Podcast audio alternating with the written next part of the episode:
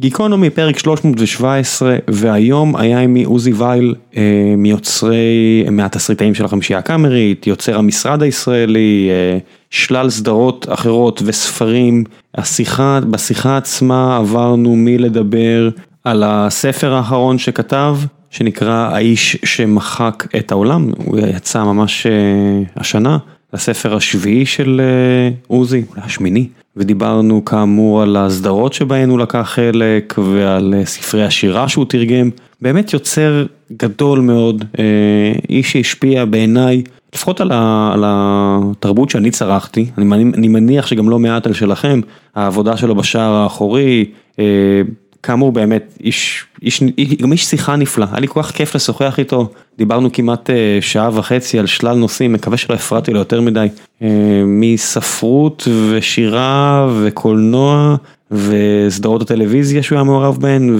ושלל נושאים אחרים. לפרק הזה דורון היה אמור להתלוות אליי מקליפורניה, אך לצערי היו כשלים טכניים שהפריעו לו.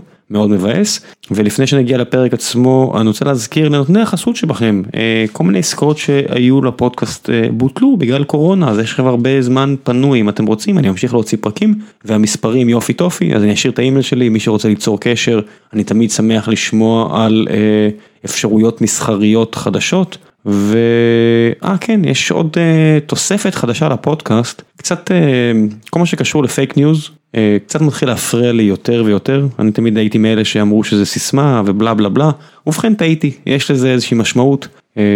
התחילו לדבר נחשפתי לזה לאחרונה כל מה שקשור לדור החמישי ברשתות סלולריות לקשקושים שלפחות לפי מיטב הבנתי שהם קשקושים שרצים ממקום למקום וההפחדות הציבוריות האלה.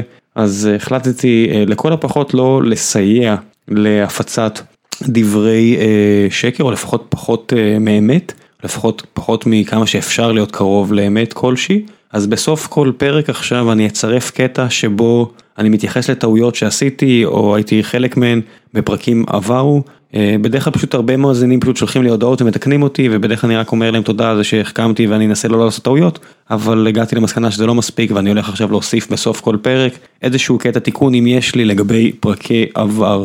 אז זהו, גיקונומי 317 עם עוזי וייל, תהנו.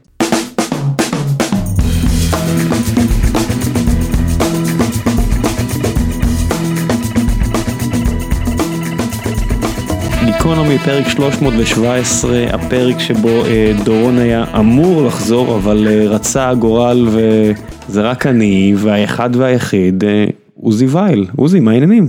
בסדר, על מה ולמה אני האחד והיחיד?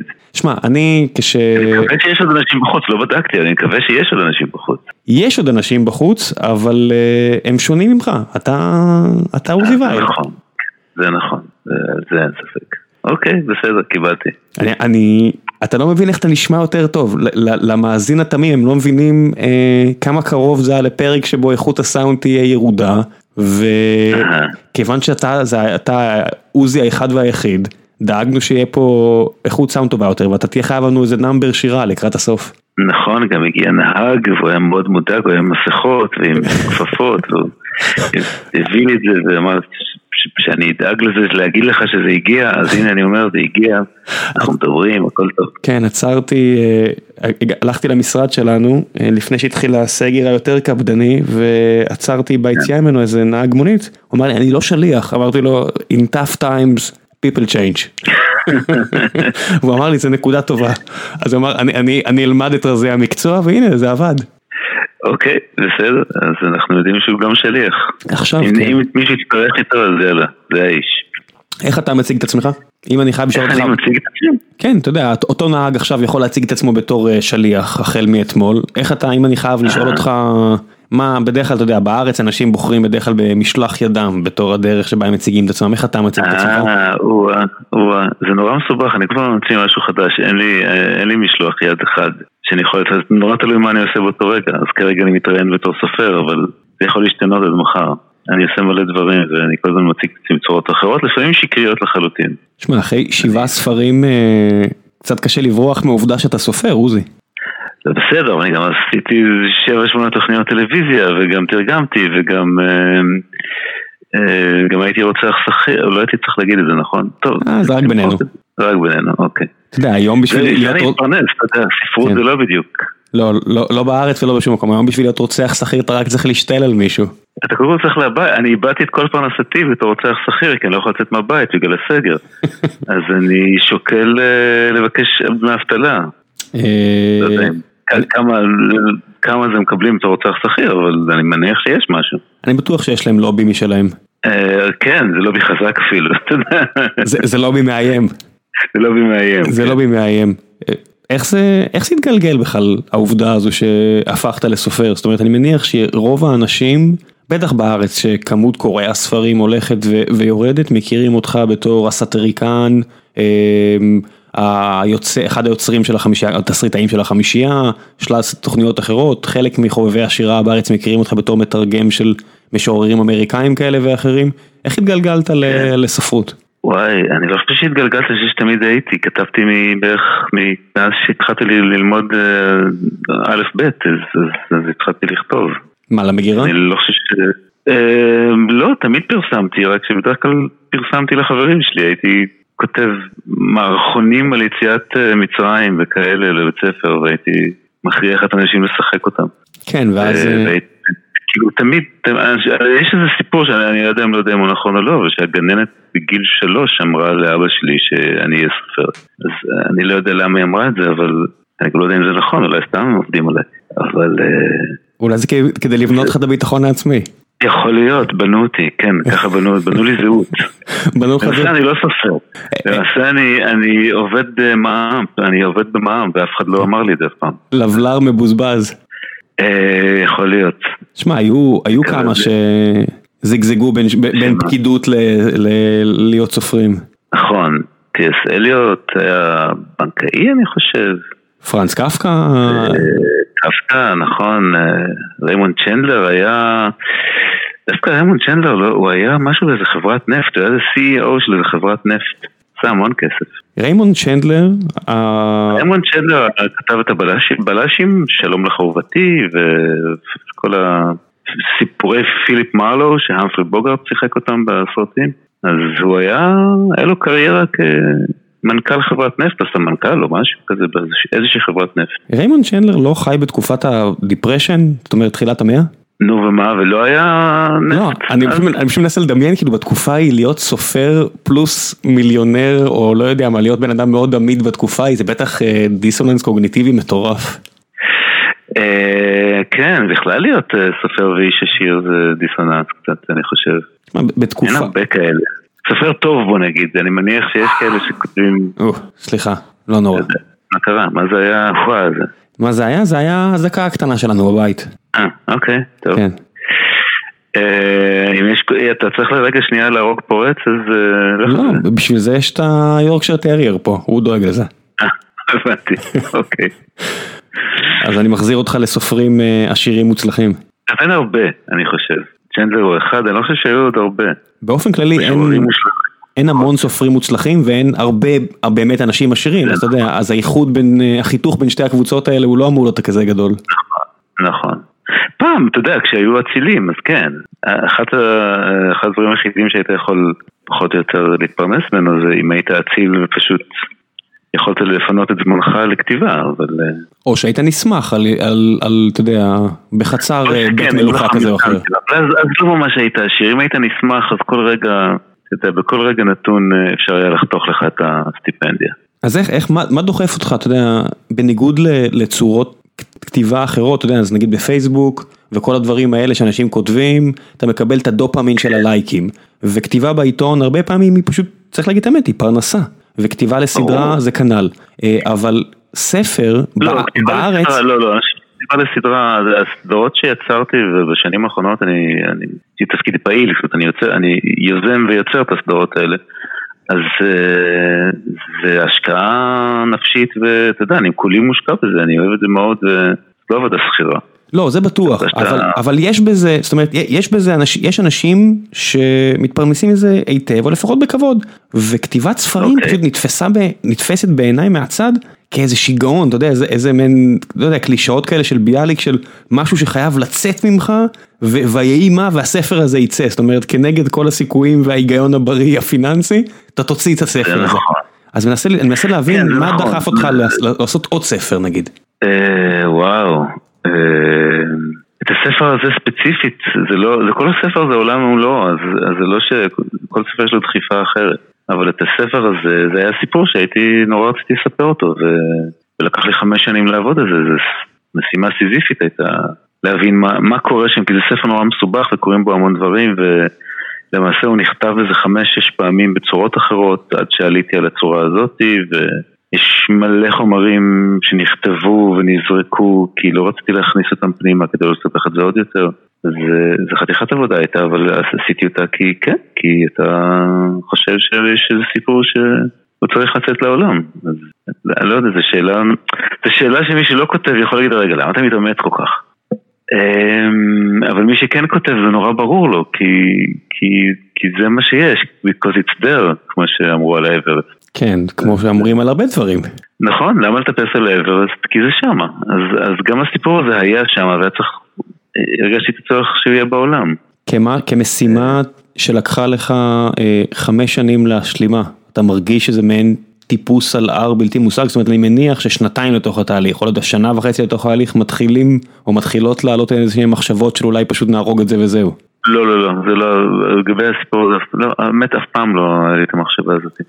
אני בדרך כלל לא כותב, זה באמת ספר יוצא דופן במובן ש... זה באמת יצאתי לאיזה דרך שמההתחלה ידעתי שלא בטוח שאני אגמור אותה. כי, כי, כי מה שרציתי לספר היה נורא נורא מסובך.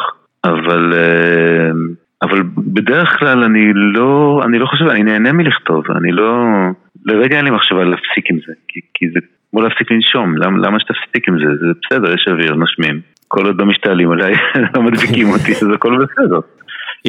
מפריע לך... אני נהנה ממה שאני עושה, אני אוהב את העבודה הזאת, אני נהנה ממה שאני עושה והיא חשובה לי ואני לא... אני לא באיזה סבל, ממש לא. לא, זה בטוח, אבל עדיין, זאת אומרת, תהליך היצירה עצמו מבחינתך הוא כיף? כן, כן. הוא כיף במובן שכיף לרוץ מרתון, אתה יודע, זה לא כיף במובן של אה, כיף לאכול גלידה, זה סוגים אחרים של כיף.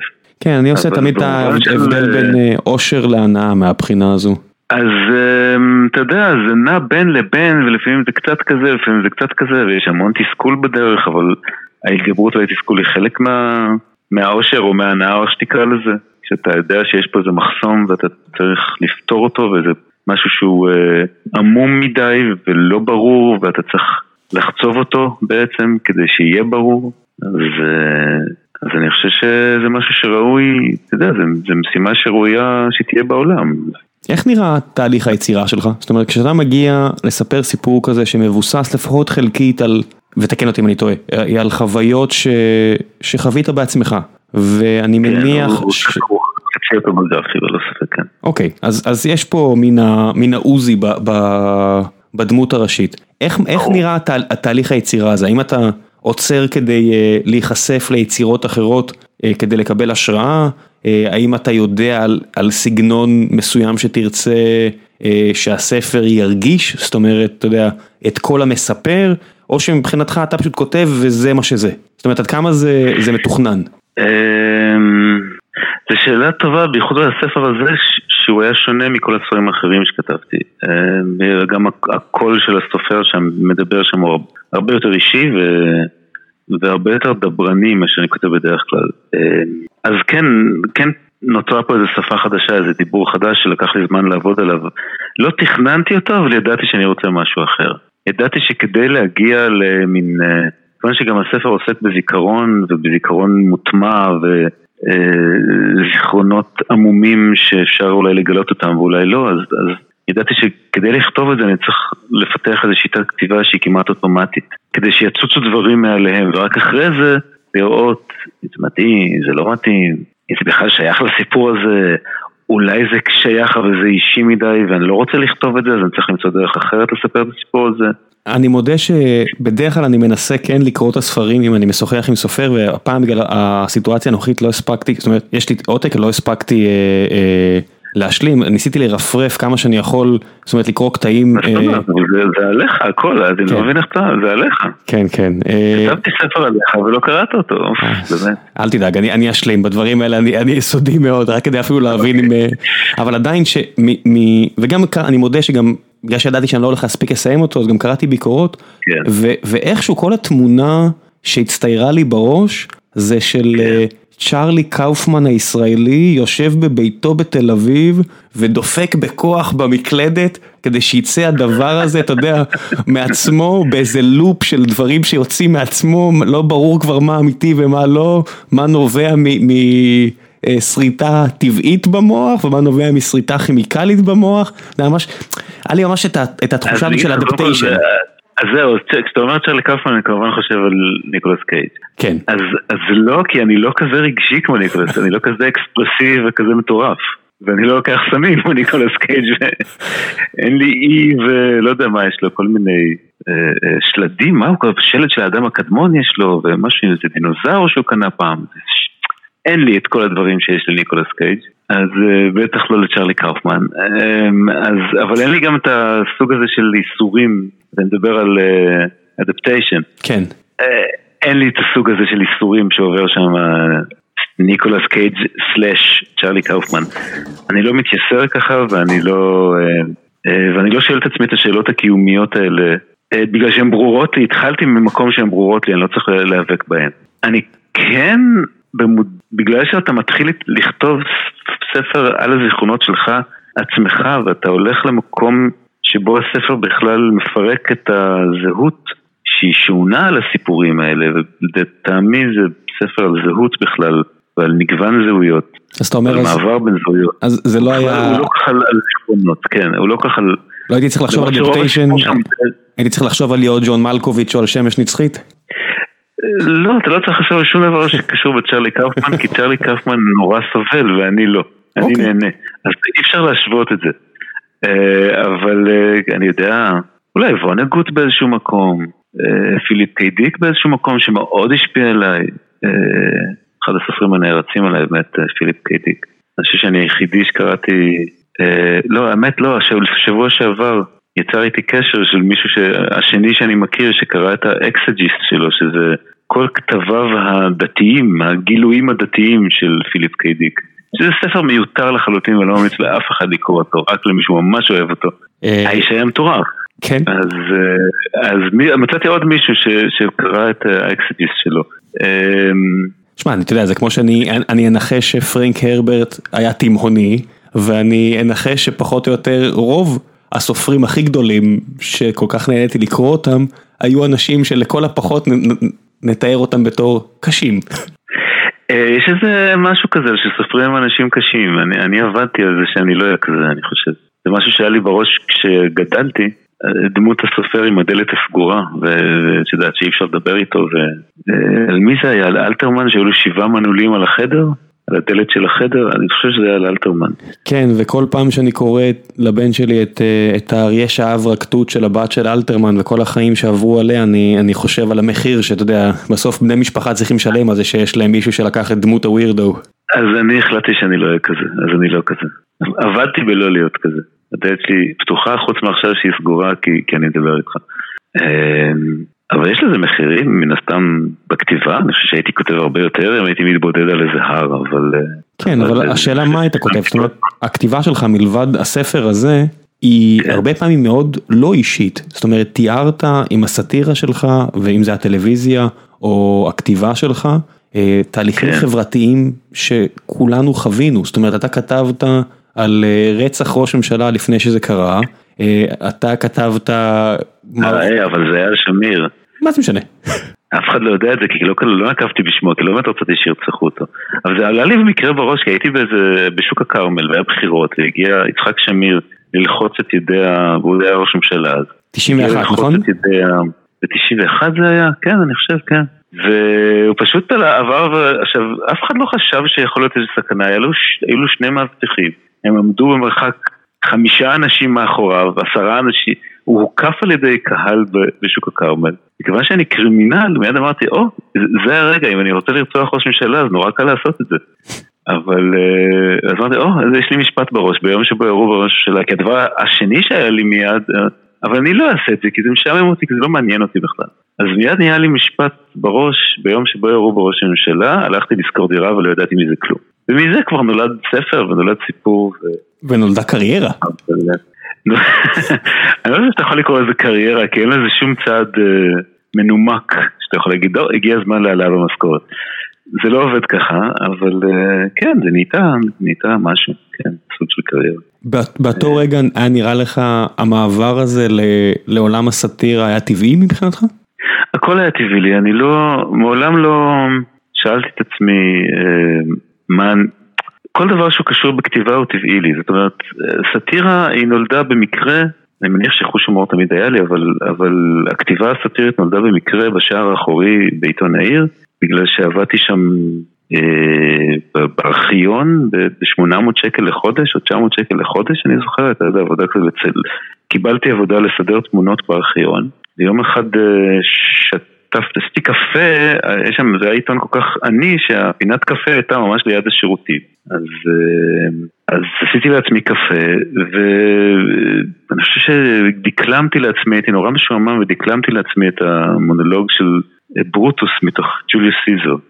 ופתאום אני שומע את המים יורדים ויוצא מהשירותים אה, חזי לסקלי, שהיה עורך של השער האחורי ומשורר נפלא. והוא לא הכיר אותי, כי בדיוק רק התחלתי לעבוד. אז, אז בעודו הוא שוטף ידיים, אז הוא אומר לי, תגיד, מי, מי אתה? אמרתי, אני פה בארכיון, אני מסדר תמונות. אז הוא אמר, אה, אוקיי, טוב, אני אבוא לבקר איתך. אחרי איזה יומיים הוא בא לבקר אותי, דיברנו על זה חצי שעה, ואז הוא אמר, אתה יודע מה, אני נוסע לחו"ל, אתה רוצה לעשות את השער האחורי לאיזה שבוע?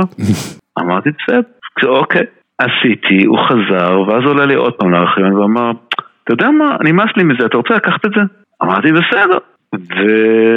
והוא נתן לי רק אה, שתי הוראות, בקשות, מצוות, שאומר שני דברים, אני מבקש לך, לא, אל תעשה אף פעם, אל תצטט מפו הדוב ולא מהנסיך הקטן. כל השאר תעשה מה שאתה רוצה.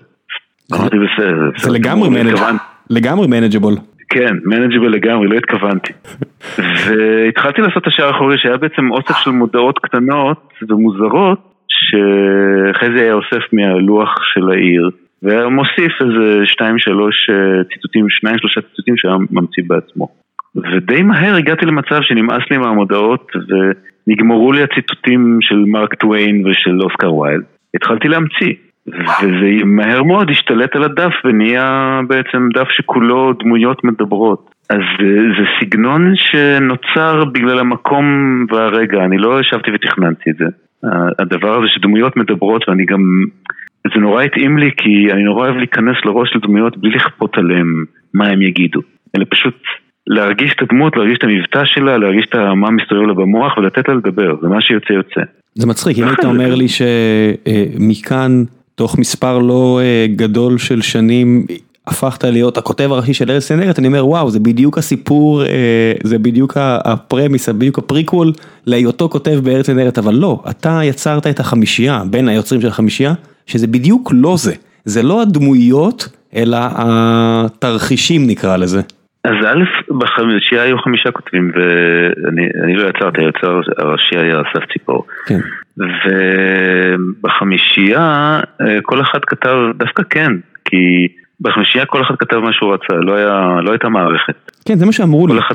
ועדיין כן, הטון כן. של החמישייה שיצא גם ממך, הוא לא טון של דמויות, זה לא לובה או כל מיני כאלה שאתה יודע, או לא יודע מה, אתם התחרתם אז בקומדי סטור, אני זוכר בשנים ההם, אבל אה, עשור לאחר מכן זה כבר, בקומדיה הישראלית זה כבר ממש דמויות. אתם יצרתם כן. את המערכונים העל זמניים האלה בלי הפאנץ', שזה בדיוק ההפך מדמות, שאתה כמו שאתה יודע, שנראה שבא כל כך טבעי ממך. אה, נכון, כי גם, אבל גם יש לי את הרצון הזה לספר סיפור. אז רוב המערכונים שאני כתבתי לחמישייה הם היו מין, מין מחזות קטנים, מין סיפורים קטנים כאלה. שלשמחתי הם נתנו לי את, ה...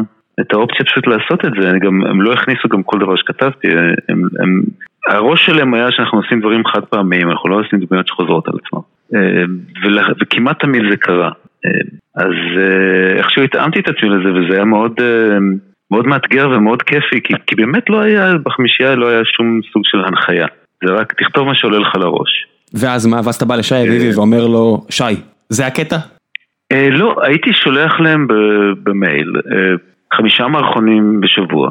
מתוכם הם היו בוחרים שניים, וזהו.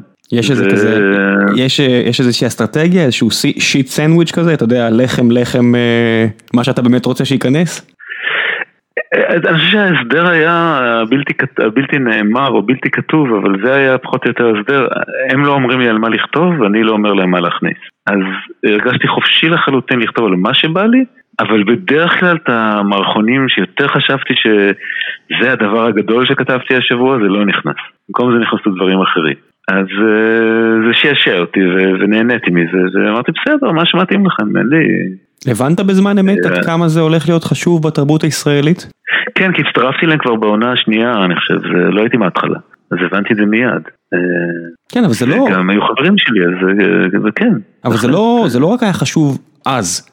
בעיניי, ביחד עם הגשש החיוור ועוד כל מיני קבוצות קומדיה ויצירה אחרות, החמישייה הקאמרית, על שלל שחקניה וכותביה, היא חלק מה-DNA התרבותי של ישראל, חלק לא מבוטל אפילו הייתי אומר, לא עצום, כי שום אף אחד, אף יוצר הוא לא יהיה חלק עצום מה-DNA התרבותי של מדינה, אבל הוא כן חלק מה-DNA התרבותי של המדינה הזו.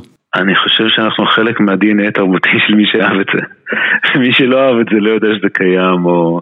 אני לא בטוח. או גם שזה היה, גם אם יודע שזה קיים, אז הוא כאילו, אוקיי, זה היה פעם, ו... כן, אבל אתה יודע, לא, לא כל מי שראה את הסנדק, לחשוב, לא כל מי שראה את הסנדק מושפע מהיצירה הזו. אתה מבין מה אני אומר?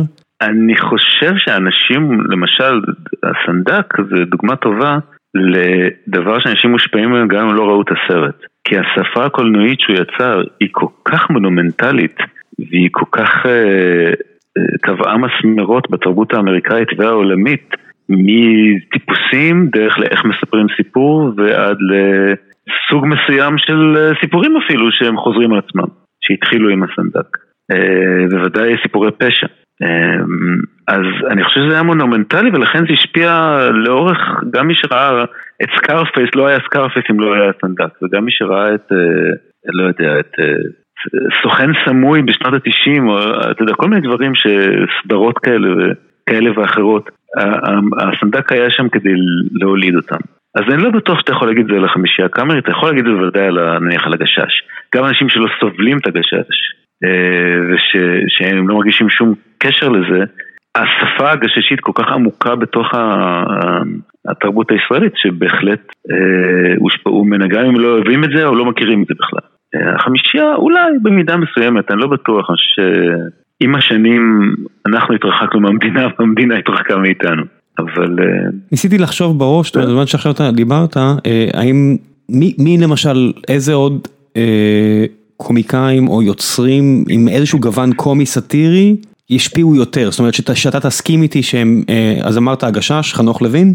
אני, או-אה, חנוך לוין, לא יודע. כי הוא אפילו יותר לא אליטיסטי מכם. אני לא באמת, אני לא יודע אם הוא השפיע מעבר לתיאטרון, הוא השפיע נורא לתיאטרון, אני לא בטוח שהוא השפיע מעבר לתיאטרון. אני חושב שניסים אלוני השפיע הרבה יותר ממנו, למרות שבתיאטרון הוא שולי יחסית לחנוך לוין. אבל בגלל העבודה שלו עם הגשש, עם שי כפיר, עם יוסי בנאי, ההשפעה של ניסים אלוני ושל השפה שלו היא הרבה יותר משמעותית בתרבות הפופולרית, אפילו שאנשים לא יודעים את זה ולא מכירים את ניסים אלוני. אה, חנוך לוין הוא נורא מוכר בתיאטרון, אני לא בטוח שההשפעה שלו היא באמת אה, מעבר לתיאטרון. אחרי שסיימת את העבודה עם, עם, עם התוכנית הזו, שבה היית לא יוצר, כן. אלא היית תורם. איזה תוכנית? עם של החמישייה. היה, כן, היה לך את הדחף הזה לעשות משהו משלך שבו אתה מחליט, שבו אתה תקבע שהמערכון הכי טוב שלך יהיה זה שיעלה לאוויר? אה, ברור, ברור ועשיתי. לא, אני באמת מעניין אותי מה הוביל אותך לדרך הזאת, זאת אומרת אם זה באמת היה חלק מהסיבה. אה, כן, היה ברור לי שאני רוצה להיות אה, יוצר שמשפיע ושהטעם שלו קובע את מהות היצירה, ברור, ברור, ברור. זה לקח זמן עד שזה קרה, ושזה קרה זה היה בצורה נורא מוזרה, ולא לא צפויה, אבל, אה, אבל כן, בטח. מה, מה הגיע? אבל תשמע, אני, אני, אני אגיד לך משהו שאני אתן, אחרי זה היה שמונה דקות ביום בערוץ הראשון, שזה, אני, אני פשוט הגשתי לערוץ הראשון תוכנית למערכונים, אחרי החמישייה. אמ, והם לא רצו אותה, הם לא קיבלו אותה, כמו הרבה דברים, הערוץ הראשון היה עושה בערך איזה תוכנית אחת בשנה, אז, וגם זה לא תמיד. והם לא קיבלו אותה, ואז יום אחד, איזה שנה אחרי זה, הם, אה, הם עשו הם, אה, לוח שידורים חדש, ומיתגו אותו מחדש, ועשו לו צבעים חדשים, וחילקו את כל השעות, והזיזו את מבט לחדשות, והכל היה כזה מיתוג מחדש של הערוץ הראשון. רק מה, נוצר להם חור של שמונה דקות, בין שבע לשמונה, שלא תכננו אותו. ובערך חודשיים לפני שהערוץ הממותג החדש עלה לאוויר, הם, הם קלטו שאין להם מה לדחוף שם.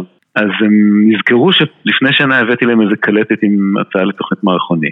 ופנו אליי ואמרו, תגיד, הדבר הזה שעשית, אתה יכול לעשות ממנו פינה של שמונה דקות ביום? אז אמרתי, כן. ברור, כי אני תמיד אומר כן. אני תמיד אומר כן, ואחרי זה הולך ועושה משהו שאף אחד לא יודע, לא חשב שזה מה שיהיה. אה, כולל אני. אז אמרתי כן, ואיכשהו מצאתי איזה דרך, במקום אה, לקחת את התקציב שלהם, במקום לעשות איזה פינה, הם חשבו שזה פשוט יהיו שני קריינים שמקריאים בדיחות מול המסך. אה, במקום זה מה שעשיתי זה שלקחתי אולפן והצלחתי לצלם ימים של מערכונים שכל מערכון היה קצר מאוד ו...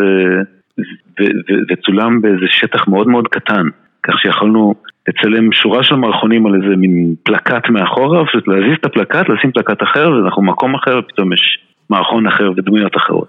ויצרתי איזה מין תמהיל כזה של uh, מערכונים מאוד מאוד קצרים, וקוראים לזה שמונה דקות ביום, וזה שודר כל יום במשך שמונה דקות, מתישהו בין שבע לשמונה, אף אחד לא כך יד... היה, היה שם כדי לצפות בזה, או כדי להבין מתי זה משודר. לפני שחיים יבין עולה ומספר על עוד איזה, עוד איזה פיגוע או הרוג בלבנון. אז פחות או יותר אמרו שזה יהיה לפני החדשות, אז לפעמים זה היה בעשר דקות לשמונה, לפעמים בשמונה דקות, זה כאילו, לפעמים זה בשבע וחצי פתאום הכניסו את זה, לא היה ברור. אבל זה היה כיף גדול, אה, הם לא הבינו בכלל מה נפל עליהם ולמה אוהבים את זה בתל אביב. הם נורא שמחו שסוף סוף המבקרים כותבים על זה ומישהו מתייחס אליהם בכלל, ו... אבל הם לא הבינו בכלל מה זה, זה פשוט לא... טוב, נו, אוהבים את זה בתל אביב, טוב, תביא את הקלטת, נשים, נשדר. זה היה יצירת הפריצה של אה, אלמזק, יובל סמו וכל החבר'ה האלה, לא? נכון, נכון, נכון, נכון, כן. אתה, אה, אתה בחרת בהם? בטח. לפי מה? זאת אומרת, היום שאני רואה את אה, יובל סמו ברחוב, או לא יודע, את אלמזק, זה כאילו זה ברור, אתה יודע, כולם יודעים שהם סופרסטארים.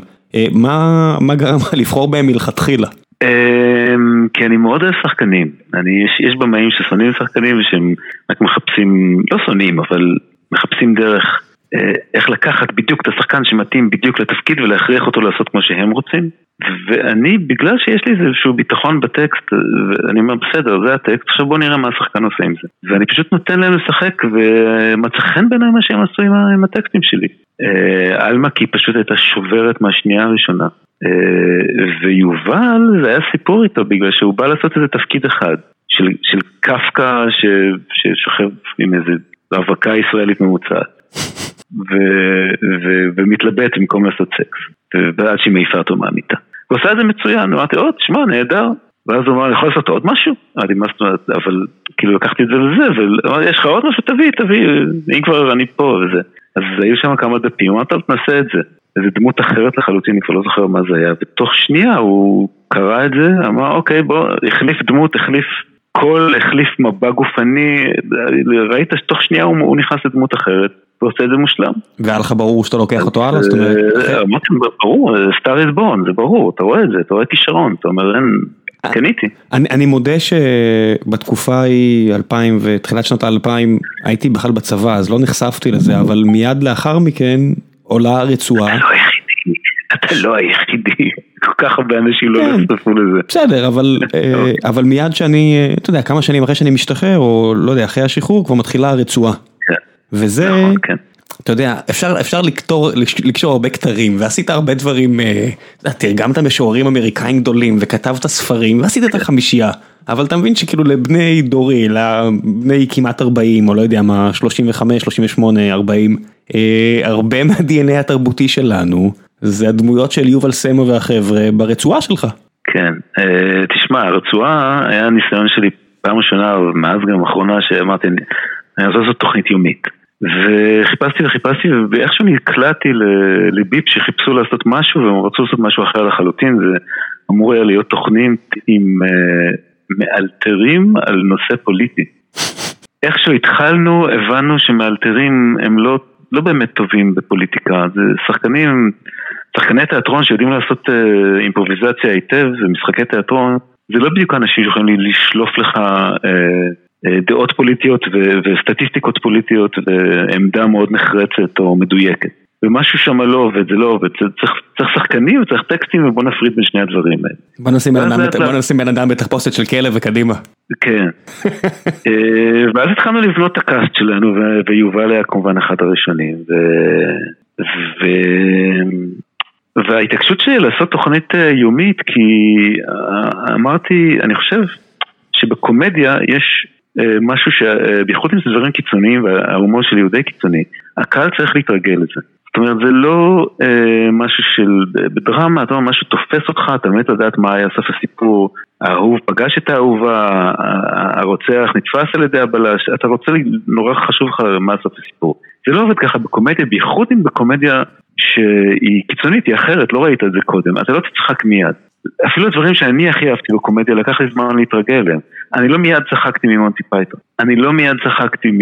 לא יודע, מכל הדברים, Jeeves and Wooster וכל הדברים שהשפיעו עליי, בייחוד בקומדיה האנגלית נניח שהייתי שפוט שלה. רגע, מעניין אותי, אבל אתה, אתה יותר בן אדם של, לא יודע, לפחות מבחינת היצירה שלך, אה, תרבות אמריקאית, ובערך באותה שנה שאתה מתחיל את הרצועה, אולי שנה אחרי, אולי שנה לפני, דייב שאפל מתחיל את ה Chappelle Show. שדייב שאפל... לא ראיתי, לא התייחסתי, לא אהבתי את דייב שאפל, לא אהבתי את... אה, וואלה.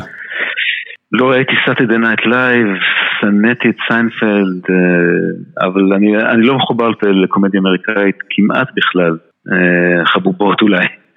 כאילו אני ממש הייתי בקומדיה, התחלתי וגמרתי והייתי באמצע בקומדיה אנגלית. שמה, זה ה Blackadder ומונטי פייתון וכל אלה? בלק אדר ומונטי פייתון וריבזן מורטימר וג'יבזן ווסטר ופריין לורי וכל הצמדים האלה, פיטר סלרס ואדי איזארד וכל הדברים האלה. אדי איזארד עוד לפני שהיה לו שמלה.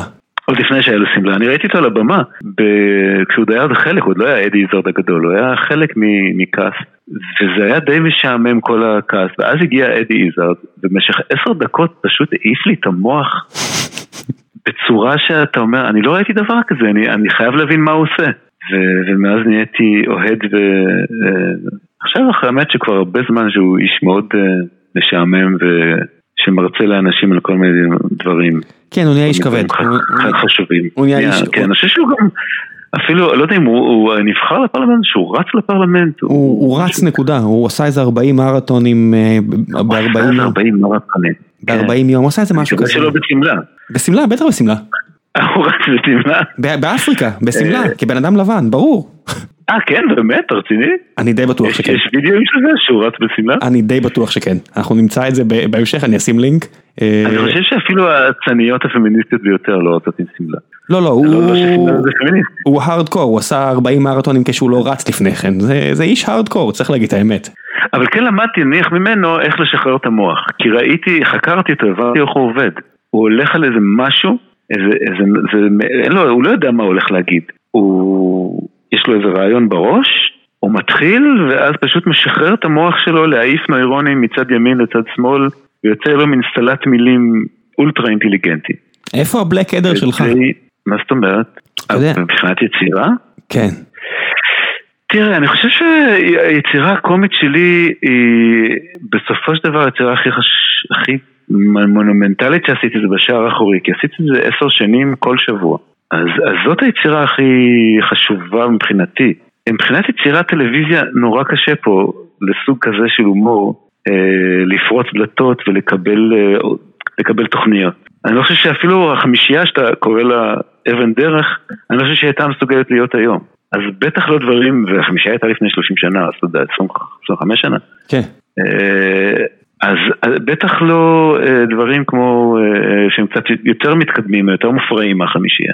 אני חושב שיש מחסום, והוא מחסום כספי ותרבותי ואנשים לא, לא מעוניינים לתת לדבר כזה להיות.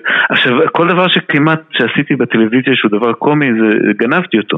המשרד? שמונה דקות, גנבתי את זה בגלל שזה שמונה דקות, חור של שמונה דקות שהיו צריכים לסתום. הרצועה הייתה אמורה להיות איזה מין תוכנית שולית עם, עם מאלתרים. Uh, המשרד היה המשרד, אתה יודע למה בכלל המשרד uh, נוצר? המשרד נוצר כי איזה מישהו בא ל-yes ואמר להם, או לחברה שהפיקה את זה, הוא אמר, אתם יודעים שליאור אשכנזי נורא דומה לסטיב קרל? אולי תעשו למשרד עם ליאור אשכנזי. מכאן איכשהו התחיל להתגלגל, ואיכשהו קיבלתי את העבודה לכתוב את זה. הכל מין דברים כאלו שגנבתי לזה? לא באמת. איך ניגשים לזה? זאת אומרת, אני, אני מודה שאני מאוד אוהב את ריקי ג'רווייס, מאוד אוהב את המשרד, וכשהגעתי אה, לראות את הגרסה הישראלית חששתי, וקראתי היה ביקורות לא טובות אני זוכר, או לא יודע מה, והתיישבתי לראות את זה, זה היה לי מה, לפני עשר שנים, משהו כזה, והתפוצץ לי השכל. זה היה ספוט און, ישראל, זה היה טלוויזיה מעולה בעיניי. תודה, תודה. איך, איך, איך עשית את זה? כאילו, תודה על המחמאה, אבל מה לא, כי יש פער בין, אה, אה, מישהו אמר לי, מישהו אמר לי, יס, שליאור דומה ל... לסטיב קרל עם שיער, או סטיב קרל אחרי כן. השתלה, או לא יודע, whatever, ופנו אליי ועשיתי את זה. בין זה לבין הדבר שאני ראיתי, קרה משהו. לא, אז קודם כל, אמ, אתה מזהה הזדמנות שהיא טובה, כי מאוד אהבתי את המשרד ומאוד אהבתי את ריקי ג'רווייס, וברגע שהשאלה הזאת בכלל עלתה לאוויר, אולי נעשה משהו כזה, אז מאותו רגע צריך מישהו שידחוף את זה כמו משוגע. ויגיד כן, כן, אני מסוגל לעשות את זה, אני יכול לעשות את זה, בוא נעשה, בוא נעשה פיילוט, בוא נעשה זה, בוא נכתוב משהו בחינם, בוא נזכור את זה, בוא נעשה איזה אה, הצגה של זה, מישהו צריך לעבוד בזה, וזה הייתי אני בשלב זה, כאילו, האמנתי בזה ואמרתי לכולם, תשמעו, תנו לי, תנו לי, תנו לי צ'אנס, אני אעשה את זה. כי באמת חשבתי שזה פורמט טוב לישראל, לא רק אה, לי ולישראל, לא, לא, לא רק אה, כדי לעשות עיבוד. ו... אז זה, בוא נגיד, מביא אותך עד לנקודה שבה אתה משכנע את הגוף המשדר שבוא ניתן לזה צ'אנס. מכאן כבר זה עבודה של איך מפצחים עבודה של עיבוד. שיש שם שאלות מאוד מאוד, אה, אה, מאוד מאוד מהותיות שאתה צריך לשאול את עצמך כשאתה בא לאבד משהו. אה, למשל, אחד הדברים שנתקלנו בהם זה ההבדל בין ההומור האנגלי או ההומור ספציפית של המשרד שנבע אה, על מה שנקרא comedy of embarrassment, אה, הומור של מבוכה. מבוכה קשה. שאתה אתה לא, קשה. אתה לא יכול להסתכל על המסך. נכון, כי הוא אמר איזה משהו שלא אומרים אותו ועכשיו כולם צריכים איכשהו להתעלם מזה או להגיב לזה או איכשהו להמשיך את הסיטואציה כי הוא אמר איזה משהו נורא. כן אבל זה לא לארי דיוויד, זה לא עולם מנותק שבו כולם מקבלים את זה בהבנה. זה אה, זה ריקי ג'רווייס בבוס ואנשים לא מקבלים את זה. כי התרבות האנגלית היא נשענת על מבוכה. זאת אומרת, יש דברים שאומרים ויש דברים שלא אומרים. והנה בא מישהו שאומר את משהו שפשוט לא אומרים. ולכל אחד יש כזה במשרד ולכל אחד יש בוס כזה לפעמים וזה גם נשב על איזה דמות אה, מאוד מדויקת שג'רווייס עשה. וכשאנחנו באנו לאבד את זה אז זה היה מאוד ברור לנו ש... לנו, אני אומר, לאיתן צור הבמאי ולי, שיצרנו את זה ביחד, שניסינו, זה לא עובד. ישראלים לא עושים מבוכה, ישראלים לא נבוכים מכלום. אז, אז כאילו, מי שיגיד אה, לעובד אתיופי, שטוף את הידיים, יקושי, זה אוקיי, אז זה חרא מטומטם, אבל זה לא... זה לא שאמרת איזה משהו עכשיו שעכשיו צריך, אה, העולם הולך להתפוצץ, ואיך צריך להסתיר את זה שאמרת. אין לנו N-word, אין לנו C-word, את ה-C-word הבריטית. אין לנו כלום, אין שום דבר, אנחנו אנשים גסים בעיקרון. לא כן. במובן הגסות, אומרים מילים גסות, במובן שאנחנו מתבטאים בצורה מאוד בוטה ומאוד ישירה. אין לנו את המחסום הזה של את זה אסור להגיד. לא, בריטים גם אנשים אה. מאוד אה, גסים, אבל יש להם, זאת אומרת, אתה לא יכול להגיד את ה-C-word באנגליה. אנשים ששומעים את המילה קאנט בכל מקום, צריכים להבין שאם תגיד את זה במשרד באנגליה, כולם יהיו בשקט סביבך. אני חושב שיותר, דווקא זה יותר באמריקה ובתרבות התאגידית האמריקאית.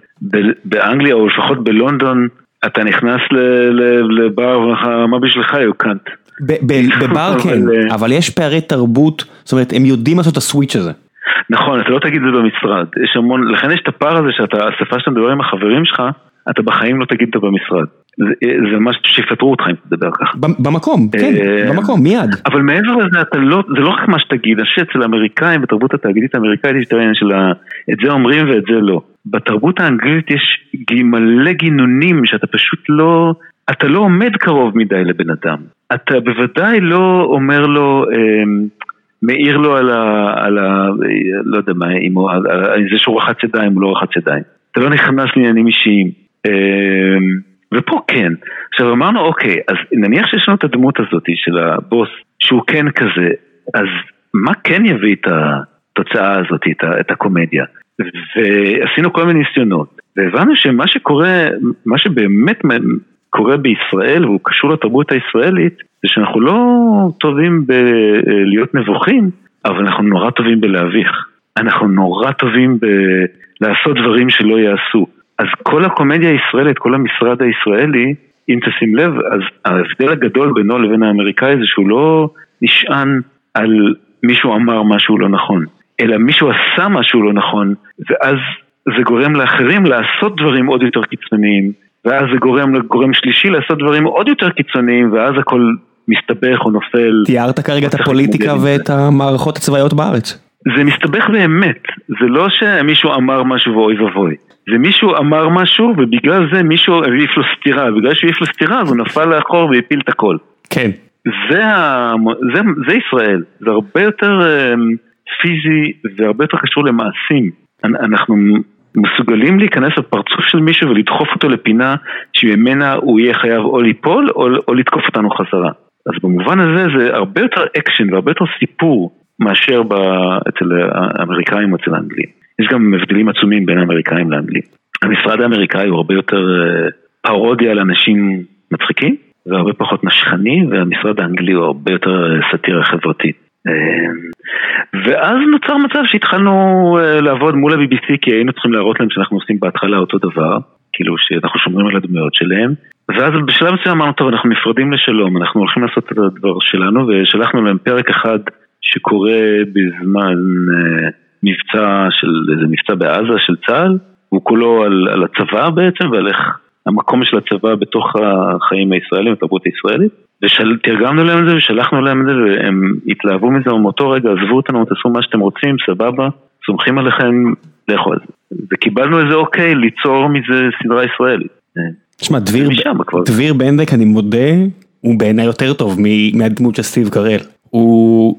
הוא כאילו אה, ריקי ג'רווייס רע בסדרה הזאת. אה, ריקי כן. ג'רווייס בכל הסדרות שלו, יש בו איזה לב זהב כזה, זאת אומרת מ Extras כן. והסדרה שהוא עשה עם הילדים אה, עם הפיגור, אני לא יודע מה המילה שצריך להגיד היום, או עם הגמדים, זאת אומרת למרות, שה, למרות שהיצירות שלו הן רעות, פועם בהם לב זהב. הדמות של, של דביר, איך זה נקרא, אבי? איך קראו לו אבי? כן. קראו לו אבי כמובן. כן, הוא לא, הוא לא היה איש טוב. אה, לא, הוא לא היה איש טוב, לא. אמ, הייתה לי הרגשה כאילו שיש פה איזושהי אמרה על הישראליות. אני חושב שהיה חרא של בן אדם. כן. וטיפש נורא. כן. זה גם סוג של אה, עבד כי ימלוך, זה בן אדם שקיבל כוח. שאין שום סיבה בעולם שיהיה לו את הכוח הזה. אני, זה, זה מה שעשה לי את זה במשרד הישראלי, אמרתי, ריקי ג'רווייס הוא איך שהבריטים אולי רוצים לחשוב על המעמד הנמוך שלהם, אה, סטיב קרל הוא איך שהאמריקאים רוצים לחשוב על המעמד הנמוך שלהם, ואבי זה איך שכולנו יודעים שאנחנו כולנו, קצת. אה, כן, אבל לכן הקפתי אותו באנשים שכן יש להם לב זהב. כאילו כל הדמויות שלהם הן דפוקות אבל הן טובות. אנשים באמת דפוקים שגם עושים דברים רעים אחד לשני מדי פעם. אבל תכלס הם, הם באמת, אה, הם רוצים טוב, הם פשוט לא יודעים איך לעשות את זה, הם עושים דברים נוראים. אבי הוא באמת חרא.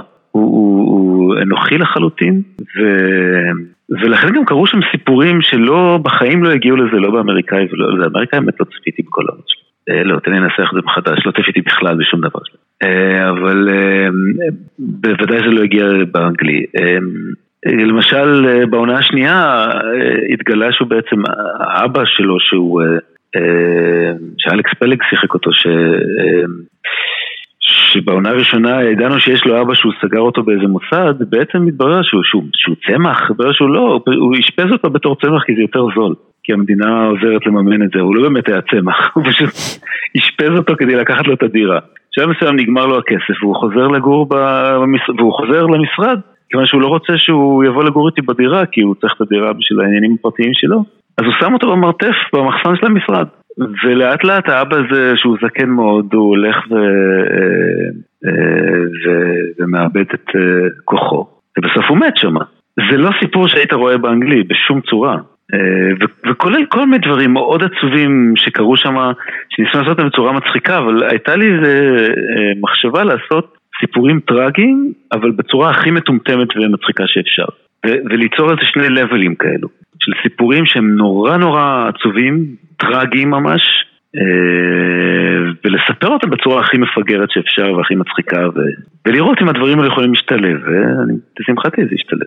כן, אני אה, לא יודע, אני לא איזה מבקר גדול, אבל אני, אני מאוד אהבתי. זאת אומרת, מבין הרבה, אתה יודע, עשית לא מעט דברים, אני חושב שבצורה מאוד מפתיעה, שני הדברים שהכי אהבתי שעשית, זה אולי הדברים, זה המשרד, שעשית דברים יותר אה, מוכרים כנראה ומוערכים.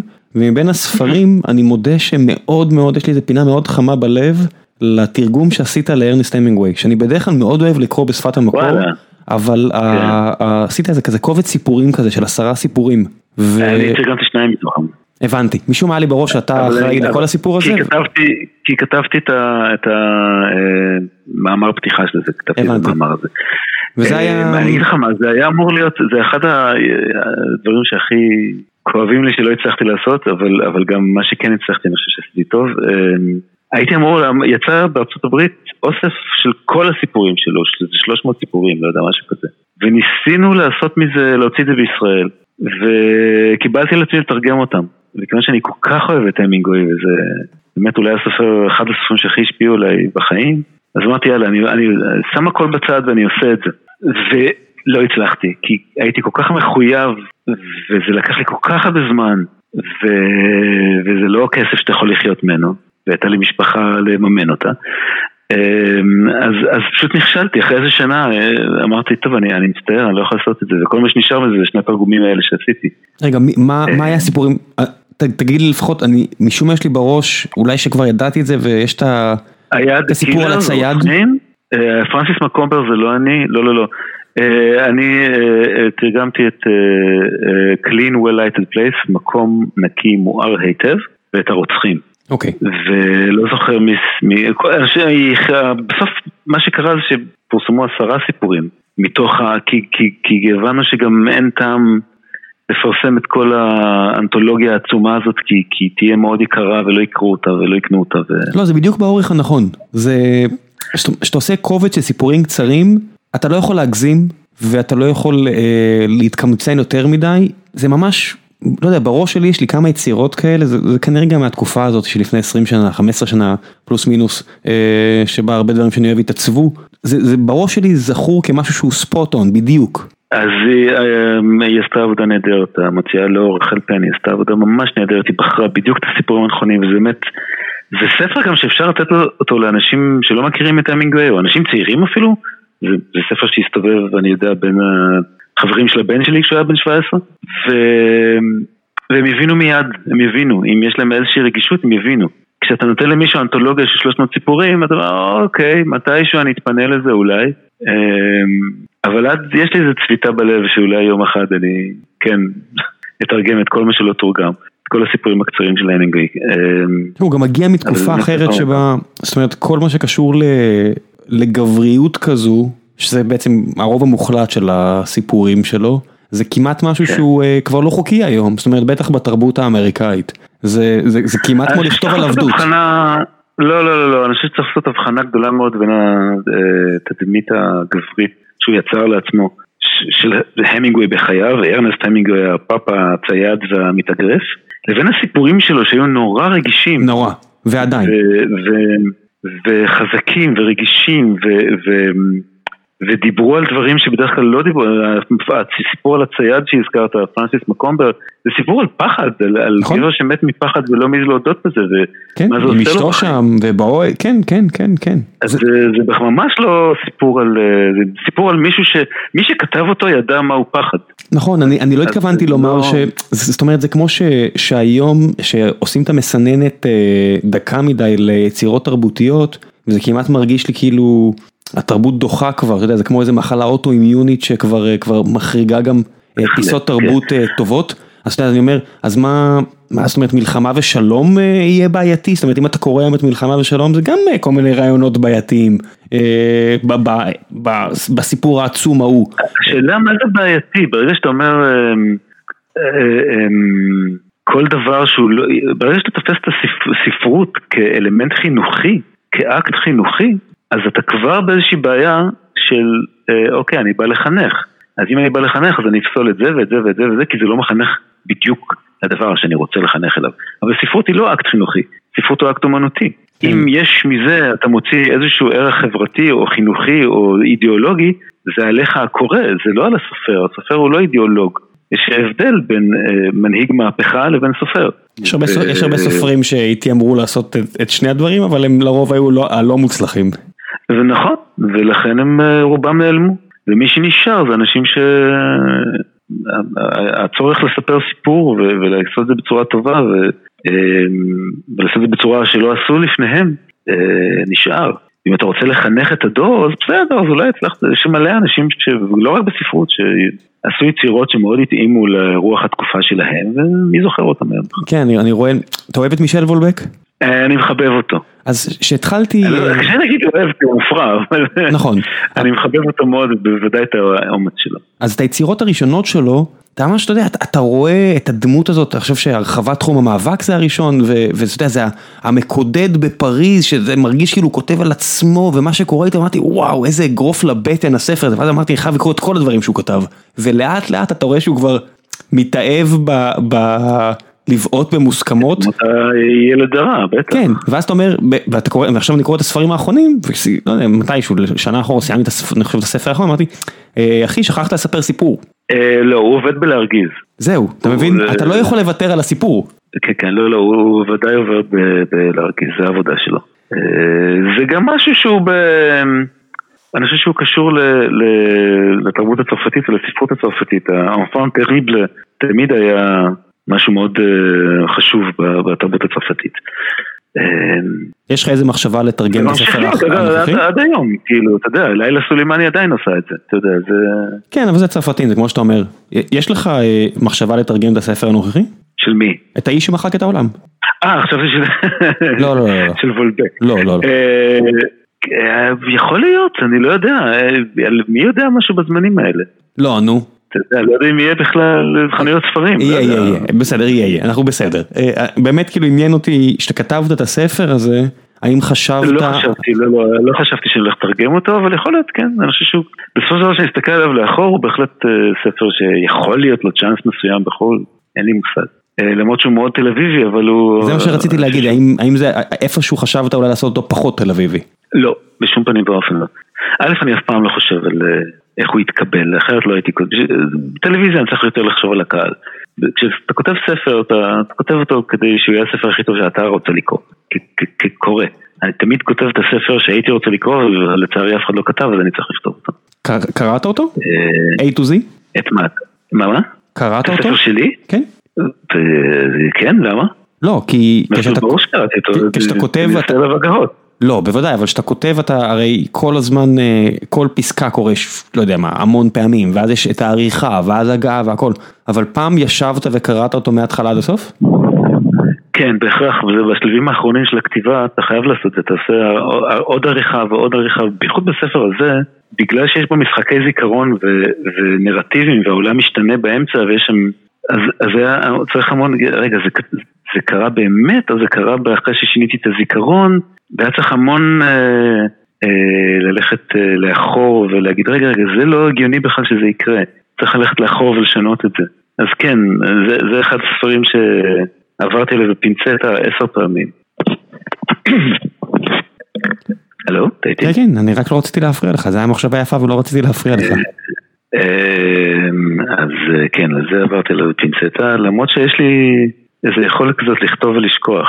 אה, אני אעשה את זה הרבה פעמים, אבל לא בספר הזה. בשער האחורי למשל הייתי כותב ביום רביעי, והעיתון היה יוצא ביום חמישי בערב, והייתי קורא ומשתעשע, ושכחתי בכלל שכתבתי את זה יום לפני זה. להצחיק את עצמך זה בטח הכי כיף. אה, הייתי מצליח אפילו להפתיע את עצמי, אה, אה, אה, זה אני כתבתי, אה, אוקיי. כן, להצחיק את עצמי מאוד כיף, חוץ משל אחד השותפים שלי בהתחלה לשער האחורי, קראו לו יוסף אלדרור. הוא עשה את זה במשך שנתיים, וכשהוא היה מצחיק אותי זה היה מעבר לכל תענוג אה, שאפשר לתאר. הוא גם היה אחד הכותבים של החמישייה הקאמרית. כן, יש, יש משהו בהומור שלו שפשוט מפרק אותי לחתיכות. אה, אתה יודע, יש פה אחת השאלות, ותכף נגיע לשאלות מה, מהצופים, אז הנה זה, זה אחלה הכנה. Uh, המאזין שגיא בן uh, צדף שואל, איזה מערכון של החמישייה הכי אהבת, אז הנה זה נראה לי אחלה הזדמנות לפרגן ליוצרים, לתסריטאים האחרים אולי, או, או, או אפילו שלך. או, אז אני אגיד לך, אז אני אגיד לך, יש לי שני מערכונים, שניהם של ג'ו, של יוסף אלדרור. Uh, האחד זה, לא יודע אפילו לקרוא לו מערכון, זה דובלה יורד במדרגות נאות. ו... והוא לא יודע איך, איך זה עובד. לא, זה רמי. זה שי אביבי שאומר לו זה כיף, זה כיף. כן, כן, אה, זה זה? אה, כן. וואי, זה... תאמין לי, זה כיף, זה כיף. זה זה, אתה מבין זה... אבל זה מה, אני לא אפול, אני לא... לא, לא, אתה פשוט שם רגל ועוד רגל, ו... והוא מתחיל לרדת במדרגות נאות, וואו, זה כיף! גם שלי. גם שלי, זה פשוט מערכון מדהים, שהוא, וזקנות עולות ויורדות, זה נראה כאילו זה צולם באיזה דיזנגוף סנטר או לא יודע איפה, כן. והוא אומר לו, והוא רק משכנע אותו, והמערכון נסגר בזה ששי אביבי פשוט צורח, יורד במדרגות הנעות וצורח. אה נכון זה שי, זה לא רוד, אבל נכון נכון, צודק זה שי. אה, נכון. זה פשוט היה מערכון. נכון, כן כן. זה פשוט היה מערכון מדהים. אה, טוב, נכון, בוא נכון. נעשה עוד קצת. נעשה קצת שאלות. כן. אורן אבי טוב שואל, מה הסיכוי שגם להם מגיע, תחזור לשידורים חוזרים או כתיבה מחודשת? תודה לאורן אבי טוב שהוא אחד מהעשרה אנשים שראו את הדבר הזה. לא, האמת שלא, דווקא היה לנו רייטינג די טוב, אבל לצערנו זה היה אחרי הישרדות העונה הראשונה, שהיה להם רייטינג פסיכי. ואז ערוץ 10 היו בטוחים שכאילו כל דבר צריך להביא רייטינג כמו, כמו בחורות בביקיני ששותות מיץ קיבה של פרה מתוך קוקוס. לא הצלחנו את הסוג הזה של רייטינג לייצר. אבל לא, אין שום סיכוי שזה יחזור, לא. הערוץ ממנו כבר, אין, אין מי. מת קבורת חמור. מת קבורת, האמת שלפחות יצא לי מזה שכשפיטרו אותי אמרו לי את הדבר שאני רוצה שיכתבו לי על הקבר. המנכ"ל הערוץ לקח אותי לחדרו ואמר על ספיישל יום העצמאות ש, ש, שהם שירבו לסדר, בסוף הם לא שידרו אותו, הם שידרו אותו באיזה שתיים בלילה פעם אחת וקרא לי לחדרו ואמר אתם העלבתם אותנו כישראלים. אז אמרתי לו אני יכול לקבל את זה בכתב? וזה הפעם האחרונה ש... אז בוא נעשה באמת שאלה שקשורה, יעל יוליה חנטיזיס, אני מקווה שאני מבטא את זה נכון. אוקיי. כמה ואם בכלל כעסו על עניין הכלב ורבין, היא אומרת גם אני קצת כעסתי בהתחלה אבל עבר לי. על הכלב ורבין? מה היה עם הכלב ורבין? אני לא יודע, אני ניסיתי להיזכר עכשיו שקראתי את זה. על הכלב ברצועה הכוונה? אני לא יודע, מה עשית עם רבין לכלב? היה לנו משהו שנקרא, לא, לא חושב שהכלב ספציפית היה משהו, היה, אה, עשינו מין מחזמר שנקרא אה, רבין על הקרח, שגם הכלב השתתף בו, וזה היה מין, יובל סמו הקריא את המסכת בתפקיד השחקן, גדעון השחקן, וזה היה מין, זה היה בגלל שהיה בשלב מסוים באמת היה פסטיבל רבין כזה, והיה מין מחזמר על, על רצח רבין וחיי רבין, והיה, וזה היה מין פסטיבל בלתי נסבל כזה, אז עשינו, אמרתי בוא ניקח את זה הלאה ונעשה מזה אה, רבין על הקרח. הנה, זה היה מאוד טיפשי ומאוד חביב ואף אחד לא כעס על זה טוב. אין מה לעשות, אנשים מתים מקבלים אה, פס על כל דבר. אה, בוא נלמוד ונראה אם נקבל פס. הנה, רק וזה גם לא נגמר, הנה, רק עכשיו, אה, מה, לפני איזה כמה שבועות בוב דילן מוציא עוד שיר על אה, רצח קנדי. כנראה שכב לו במגירה. כן, מוזר מאוד, אני חייב להגיד. כן. שמעת אותו? שמעתי, קראתי איזה כתבה בוואלה של, לא זוכר מה, אבל סלונים, זה השם משפחה שלו, שתרגם, שפירש את זה כמו שירה. בכל זאת, אדם קיבל נובל על שירה, אז הוא פשוט התייחס לזה כמו לשירה, וקראתי את הפרשנות שלו, אמרתי, אוקיי, אני אנסה שוב. זאת אומרת, אני מבין שזה ספוקן וורד נורא משעמם, אני אנסה שוב. אני לא חושב שצריך להתייחס, אני בניגוד להרבה אנשים, אני לא חושב שדילן הוא משורר, ואני לא חושב שצריך להתייחס אליו ולפרש את המילים שלו בתור שירה. אני חושב שהחוויה של ה... He's a song and dance man, והוא אומר את זה מלא פעמים ולא מאמינים לו. הוא בן אדם שכותב שירים ושר אותם ו... וכל רגע שהוא פותח את המיקרופון ושר הוא רגע שנולד באותו רגע, הוא רגע חדש. אז אני לא חושב שצריך לעשות ניתוחים של המילים.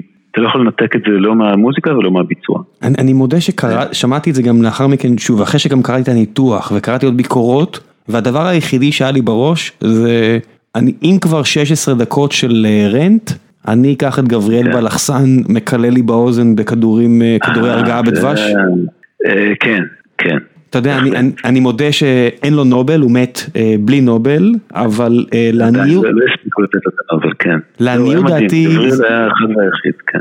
כן, לעניות דעתי זה היה טיפה יותר טוב, לא יודע, אולי, אולי זה רק אני, אבל כשאני שומע את כדורי הרגעה בדבש פעם בחודש, אני אומר לעצמי, איזה פספוס. אני לא בטוח שזה היה יותר טוב מכל כתיבה והיצירה של דילן, אבל כזה... לא, לא, לא, בוודאי שלא, מהשיר הספציפי הזה, מהשיר היומרני הספציפי הזה. לא, Times are changing זה אחלה, ו-Knocking on Heaven's Door זה בסדר גמור, כן, אני לא מתיימר לתת פה ביקורת על באמת מהיצירות היותר גדולות של המאה, אבל מבחינתי לפחות.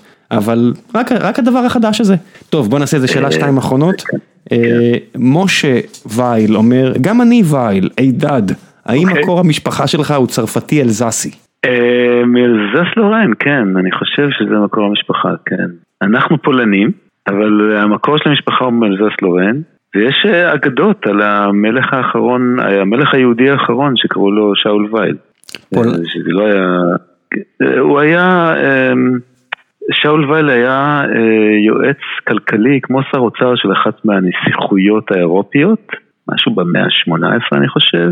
אבל אני לא, אני מצטט מהזיכרון, אז אני לא זוכר בדיוק. והמלך מת, והמלך הצעיר, יורש העצר היה בן חמש, אז אי אפשר היה להכתיר אותו, כי החוקים שלהם אמרו שרק אה, בגיל 18 הוא יכול להיות מלך. אז אה, מי שניהל בעצם את הממלכה זה היה שר אוצר, אותו שאול וייל, שהיה סוחר גדול, ושלח את בניו לכל רחבי העולם לסחור, ולכן יש הרבה ויילים בכל מיני מקומות. ואז יום לפני שיורש העצר הגיע לפרקו, אז אחד מהחוקים הנוספים היה שרק מלך יכול להכתיר מלך. אז הכתירו את שאול וייל למלך כדי שהוא יתפטר יום אחרי זה והוא יוכל להמליך תחתיו את המלך הלגיטימי. והם אמרו, טוב, הוא יהודי, הוא לא ייקח את זה לראש, הוא לא באמת, הוא, הוא, הוא, לא, הוא לא יישאר המלך שלנו.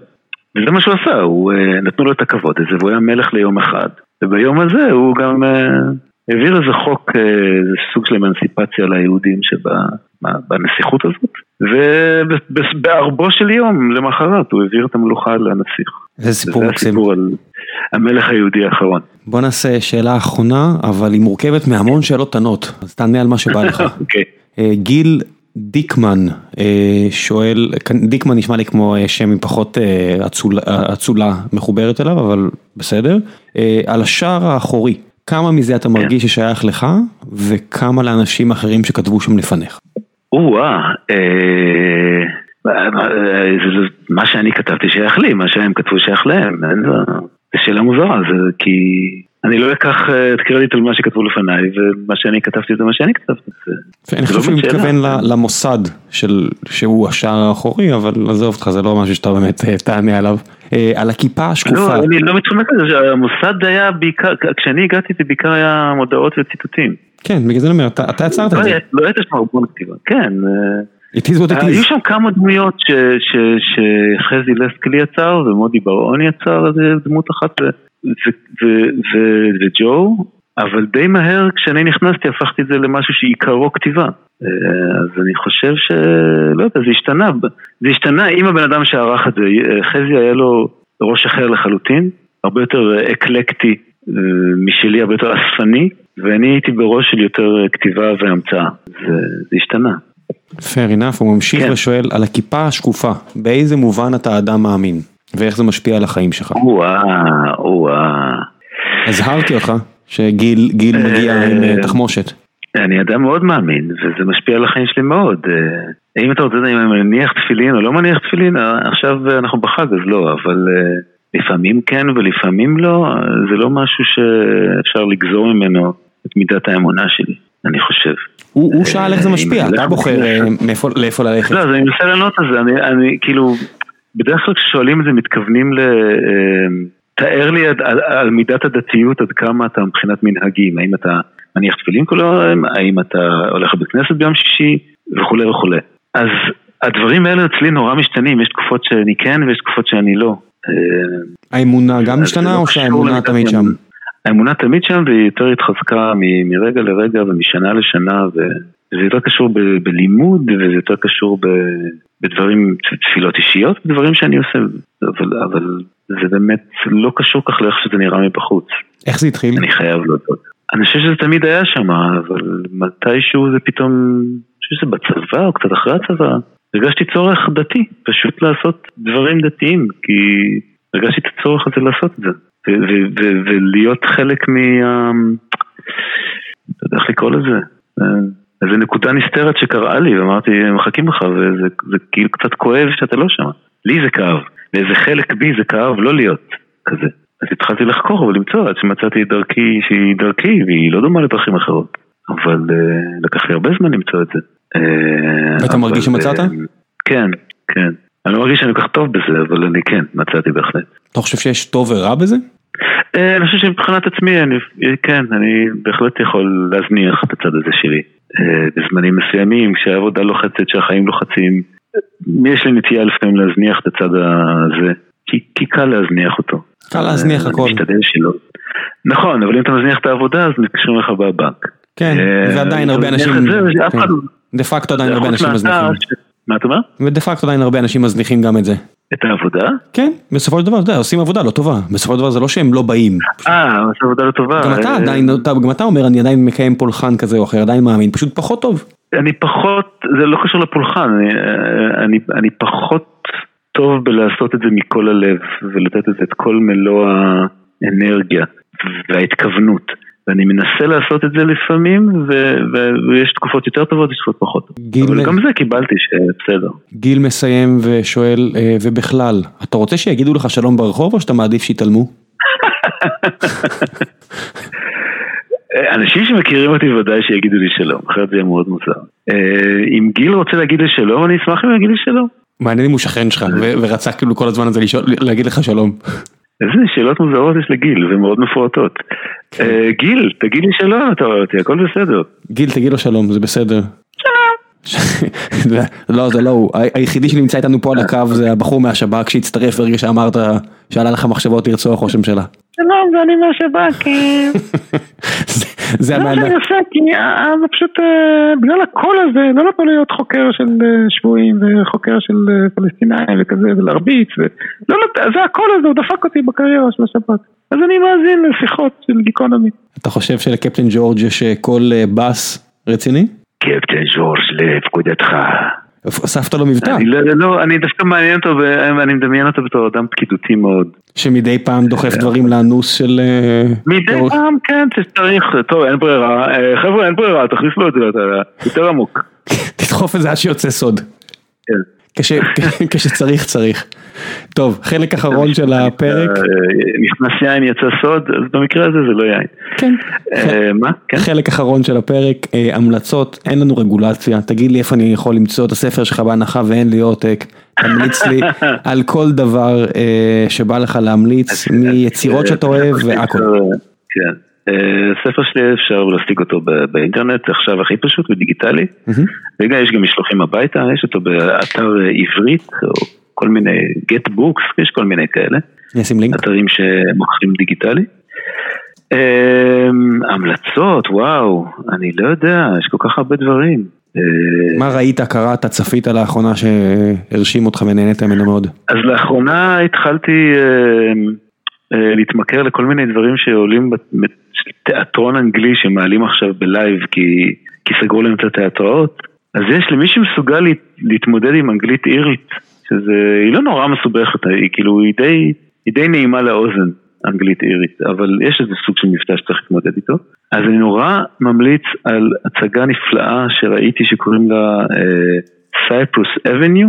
Uh, שיש אותה ביוטיוב, היא עלתה, ב... אני ראיתי אותה ב... בלונדון לפני איזה שנה, והיא על, על אירלנד ועל תקופת המהומות באירלנד, וזה חצי קומדיה, זה מתחיל בתור קומדיה מטורפת ונורא מצחיקה, ולאט לאט נהיה יותר אפל ויותר אפל, זה לבן אדם שמגלה, חושב שהתינוק שנולד לבת שלו, הנכד שלו בעצם, הוא נורא דומה לג'רי אדמס, שהוא המנהיג של הקתולים. של המפלגה הקתולית האירית, והאיש הגיבור הוא פרוטסטנטי. הוא בטוח שהשטן בכבודו ובעצמו, ג'רי אדמס, שגם היה קשור למחתרת הקתולית, ה-IRA, כאילו שהוא בא אליו הביתה ומתחזה לתינוק. וזה אכזרי נורא, וזה מצחיק נורא, ו... וסטיבן ריה זה שחקן שאני נורא אוהב בתפקיד ראשי. ו... אתם מכירים אותו, אני מבטיח לכם. מי, ש... מי שלא, שלא מכיר את השם, תסתכלו, תסתכלו בגוגל, אתם מכירים אותו. משחק הדמעות ועוד כל מיני דברים כאלה. סטיבן ריה הוא בכלל סיפור. הוא גדל בתור פרוטסטנטי באירלנד, והוא התחתן עם בחורה קתולית, שחקנית תיאטרון קתולית.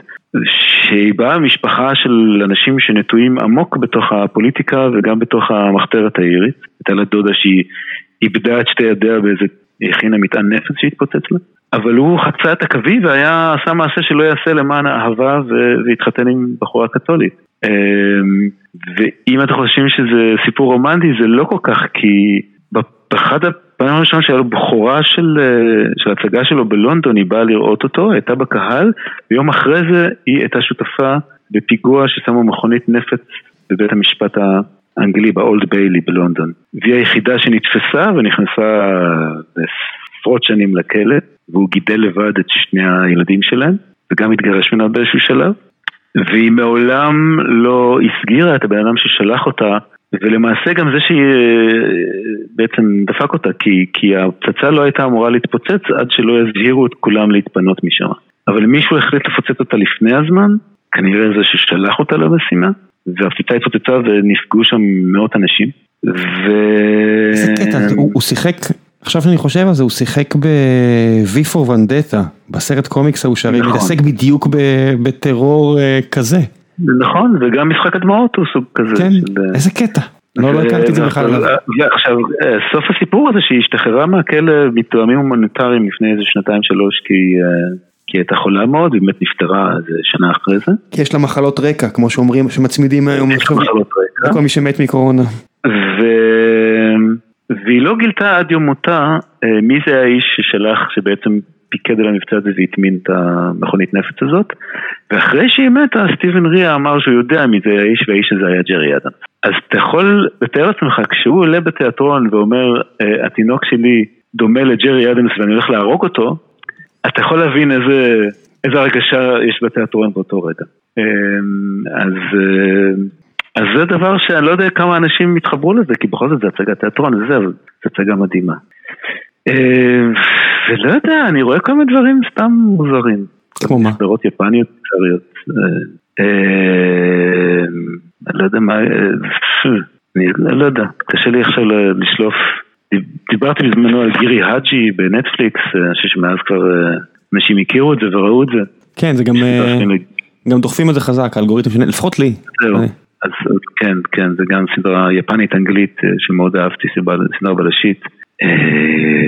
לא יודע, היום ראיתי משהו צרפתי די טיפשי, שמאוד נהניתי ממנו. אה, אתה יודע מה? אבל לא יודע איך, לא יודע, אני יודע איך להמליץ את זה לאנשים, צריך שזה VPN, לאף אחד, עזוב. מה?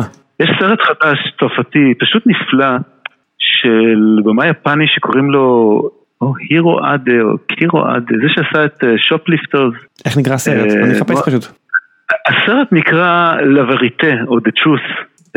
זה סרט צרפתי עם ז'וליאט בינוש ועם קטרין דנב, שקטרין דנב היא שחקנית מבוגרת שהיא עושה את הסרט הגדול האחרון שלה והבת שלה באה מאמריקה להיפרד ממנה ופשוט סרט של במה יפני הירוקזו קורידה כן, הירוקזו קוריאדה קוריאדה, כן. כן, כן, הוא עשה את שופליפטר, זה נפלא ועוד כמה סרטים יפנים נהדרים, מאוד מיוחדים, איטיים ויפיפיים. כן, זה מהסרטים האלה שהמבקרים מאוד אהבו והקהל פחות. מה זה, מי תינוק? מה קרה לך? זה לא איזה משהו קטן אני רואה.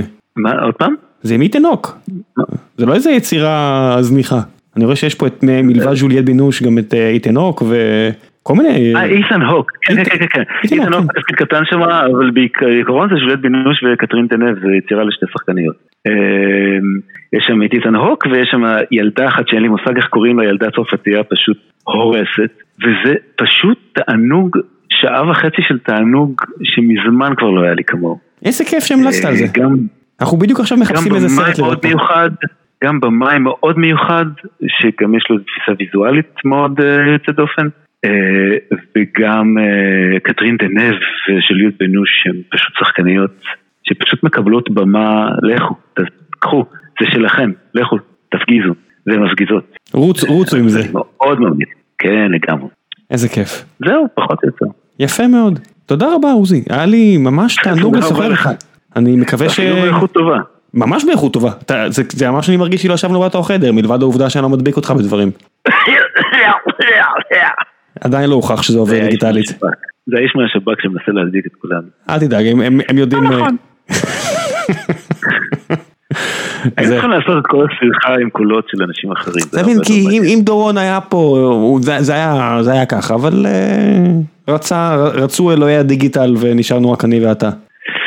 והאיש מהשב"כ. והאיש מהשב"כ. ובנימה זו חברים, אני אאחל לכולם אה, המשך אה, יום נעים, ומקווה שאתם אה, עוברים את הדבר הזה, מקווה שגם אתה עובר את הדבר הזה בכמה שיותר אה, קלות. אה, בינתיים כן, הכל בסדר, כן. קצת משתגעים, אבל הכל כן, בסדר. תחשוב היינו עושים את זה בתקופה אחרת בלי כל הטכנולוגיה הזו, היה הרבה יותר קשה. נכון. היה הרבה יותר קשה. היה הרבה יותר כבר- קשה. כבר היו תקופות כאלה. כן, היה, היה, היה וירוסים דומים שהיה נגמר הרבה פחות כיף. טוב, זהו. כן. תודה רבה חברים, תודה רבה לך עוזי. רבה. תודה רבה להם, לכם ולשם. ביי ביי. זה היה עוזי וייל, איזה כיף שהיה לי איתו, איזה יופי של שיחה, לפחות מבחינתי, מקווה שנהניתם, ואם אתם עדיין איתנו, אז אנחנו מתחילים עכשיו, אה, נדבר באנחנו, למרות שרק אני פה, אה, תוספת חדשה שתהיה עכשיו אחרי כל פרק, אני מקווה, שתכלול בעצם תיקונים לפרקי עבר. והפרק שאני הולך להוסיף אליו אה, תיקון אה, קשור לפרק עם נדב אייל ש- שהוקלט לפני שבוע ועלה וכבר כמעט 20 אלף אנשים האזינו לו והרוב המוחלט מאוד נהנו ואני מאוד אה, מבסוט שזה קרה וממש ממש כיף לדבר עם נדב זה כבר פעם שלישית שהוא בפודקאסט מרוב שכיף לי אה, לשוחח איתו אבל אה, כמה וכמה אנשים אה, ציינו שעשינו איזושהי טעות בפרק שדיברנו על השחיקה אה, שלא הייתה בתקציב מערכת הבריאות הציבורית ודוקטור אורי כץ שגם היה בפודקאסט ואפילו כתב אה, ספר לאחרונה שנדב אייל המליץ עליו. הוא הוסיף אה, לפני מספר ימים או כשבוע לא יודע מה מאמר דעה הוא דוקטור לכלכלה והוא הוסיף מאמר דעה בגלובס שמתייחס לטענה הזו של השחיקה בתקציב מערכת הרפואה אה, בארץ תקציב מערכת הבריאות הציבורית והוא מראה שלא רק שלא הייתה שחיקה כזו גם בעצם השקיעו בה יותר ויותר כסף גם ביחס לגודל האוכלוסייה. אז כן, אה, היא אולי פחות מתוקצבת ממדינות אחרות, אבל אין שחיקה, זה משהו אחר. צריך להיות מדויק ככל האפשר, ועשיתי את הטעות הזו שאמרתי את זה, או לפחות דיבררתי את זה, או לפחות לא תיקנתי את זה. אז הנה, אני מתקן את הדברים שנאמרו בפרק ההוא, אני אשאיר לכם לינק למאמר של, אה, של דוקטור כץ, תקראו, תחכימו, אל תעשו את הטעות שאני עשיתי. אה, ואתם יכולים להפסיק לשלוח לי אה, שטעיתי, אני יודע, הנה, אני מתקן. דבר נוסף שקיבלתי, קיבלתי הודעה ממש ארוכה, אני מקבל הרבה כאלה, אבל זו ממש תפסה את תשומת ליבי, מדוקטורנט בשם אמיר מוריץ, שעובד באגף התקציבים במשרד האוצר. הוא עבד לפני כן במספר חברות פיננסיות, כולל אפילו אה, בבלק רוק, ענקית ההשקעות אה, בלונדון, עבד בחברת אה, סטארט-אפ בתחום ה-high frequency trading. קיצור, אדם שראה עולם וראה תעשייה, והוא מאוד נעלב מ... או לא מאוד נעלב, אבל הוא הפריע לו הגישה שבה נקטנו, שבה התלהבנו מסטארט-אפים. נגיד לא יודע מה, הסטרים האלה אנחנו מתמודדים עם בעיות, אבל צריך להגיד את האמת, זה בעיות בס- בסדר גודל שונה מאוד מהבעיות שמתמודדים עימם במשרד האוצר, אז הוא צודק, קצת רידדנו את המציאות שם ואת הבעיות שמשרד האוצר מתמודד עימם, והאמת שזה מסוג הדברים, אה, הביקורות שכבר הופנו כלפיי, ולקחתי לתשומת ליבי, ואפילו אה, פעם אחת אה, נהניתי להזמנה והגעתי לפגוש את אה, נערי האוצר, הלכתי אה, עם אה, מספר אנשים חכמים והרבה יותר מפורסמים ממני, אה, והם אה, שמעו והאזנתי, ואפילו יצא לי קצת לשוחח איתם, זה היה נושא שקרוב, אז היה קרוב לליבי בנוגע לבנקאות, אבל פגשתי שם חבר'ה מאוד מאוד מוכשרים, אה, שמאוד שונים גם עם מהתווית שאתם כנראה הייתם מצמידים להם, נערי אוצר וכל מיני דברים כאלה, לא. אה, חבר'ה מאוד חריפים ואכפתיים שמתמודדים עם בעיה מטורפת, ניהול תקציב מדינה ובטח מדינה כמו ישראל, אה, זו בעיה ממש ממש לא פשוטה, ואמיר כתב לי אה, ממש הודעה מעניינת, אני אקריא לכם קצת ממנה. אה, הוא אומר, אני רואה רק את המשרד שלי ואת האגף שלי, מנסה לעשות טוב ביום יום לטובת המדינה, שהיא גוף קצת יותר גדול מכל חברה עסקית אחרת שאני מכיר בעולם. קצת KPI כמו שאתה אוהב, 9 מיליון משתמשים, אה, 1,400 מיליארד, אה, זאת אומרת 1.4 טריליון שקל מחזור, הוצאה ממשלתית של 400 מיליארד שקלים, 70 אלף עובדים ישירים ועוד 630 אלף עובדים במעגל השני, מה שנקרא הסקטור הציבורי. את החברה הזאת צריך לנהל כאשר בעלי המניות, בסוגריים אזרחים, נמצאים כל הזמן במאבק אחד עם השני על שליטה ולא על טובת החברה. דירקטוריון, בסוגריים כנסת, שנראה כאילו יש בו hostile takeover של פופוליזם ותחושה כללית של אובדן אמון, ועדיין התוצרים לא רעים. אני חושב שהוא פגע פה ספוט און, אנחנו הרבה פעמים מתייחסים לתוצר של משרדי ממשלה ומשרדים ציבוריים כמובן מאליו ורק רוצים יותר טוב ויותר טוב ובן תומפסון שבעיניי הוא מהאינטלקטואלים הכי בולטים היום בעולם שאני משלם כדי לצרוך את התוכן שלו ואני ממליץ גם לכם, כתב על איך שפרפקשן זה מאוד, השאיפה לפרפקשן נהיית מאוד בעייתית בעידן שבו רק מוציאים תוצרים שתוצרים זה רעיונות או, או כתבים וצועקים ובעצם מאשימים איך זה לא היה מושלם, איך טעיתם, כי תמיד טעו. רק שפעם היו מתקשרים הרבה פחות והיום מתקשרים הרבה יותר אז קל יותר לעלות על טעויות וזה קצת לא פייר וזה קצת כנראה מרחיק הגישה הזו, מרחיק אנשים טובים ממקומות כאלה. אז צר לי שעשיתי את הטעות הזו ומדי פעם אני עושה אותה ומדי פעם אנשים טובים מתקנים אותי ואז אני קצת חוטף את התיקון הזה ומתיישר טיפה ואז שוב נובע ומגיע למקום לא טוב בעיניי שהוא לא נכון, שזה של חוסר הערכה וזלזול בעובדי, בעובדים במגזר הציבורי, אז הנה, שוב קיבלתי את התיקון הזה, והפעם עם הפינה הזו בסוף כל פרק, אני גם מוסיף את התיקון הזה. אז תודה רבה לך אמיר, גם על העבודה וגם על ההודעה הארוכה והמפורטת שכתבת לי, שמן הסתם הקראתי רק חתיכה מאוד קטנה ממנה, ואפילו ביקשתי ממנו לברר עם דוברות משרד האוצר, האם הגיוני ואפשרי בכלל שהוא יגיע לדבר בפרק, קצת על, על העבודה שלו ושל חבריו באוצר, ואם זה יקרה אז אני אשמח ונארח אותו. אז זה הכל לפרק 317, תודה רבה אם הייתם איתי עד עכשיו, ואני מקווה שעובר אליכם תקופה קלה ככל האפשר במשבר הדי הזייתי הזה. לא יודע איך אתם חווים את זה. יאללה, ביי.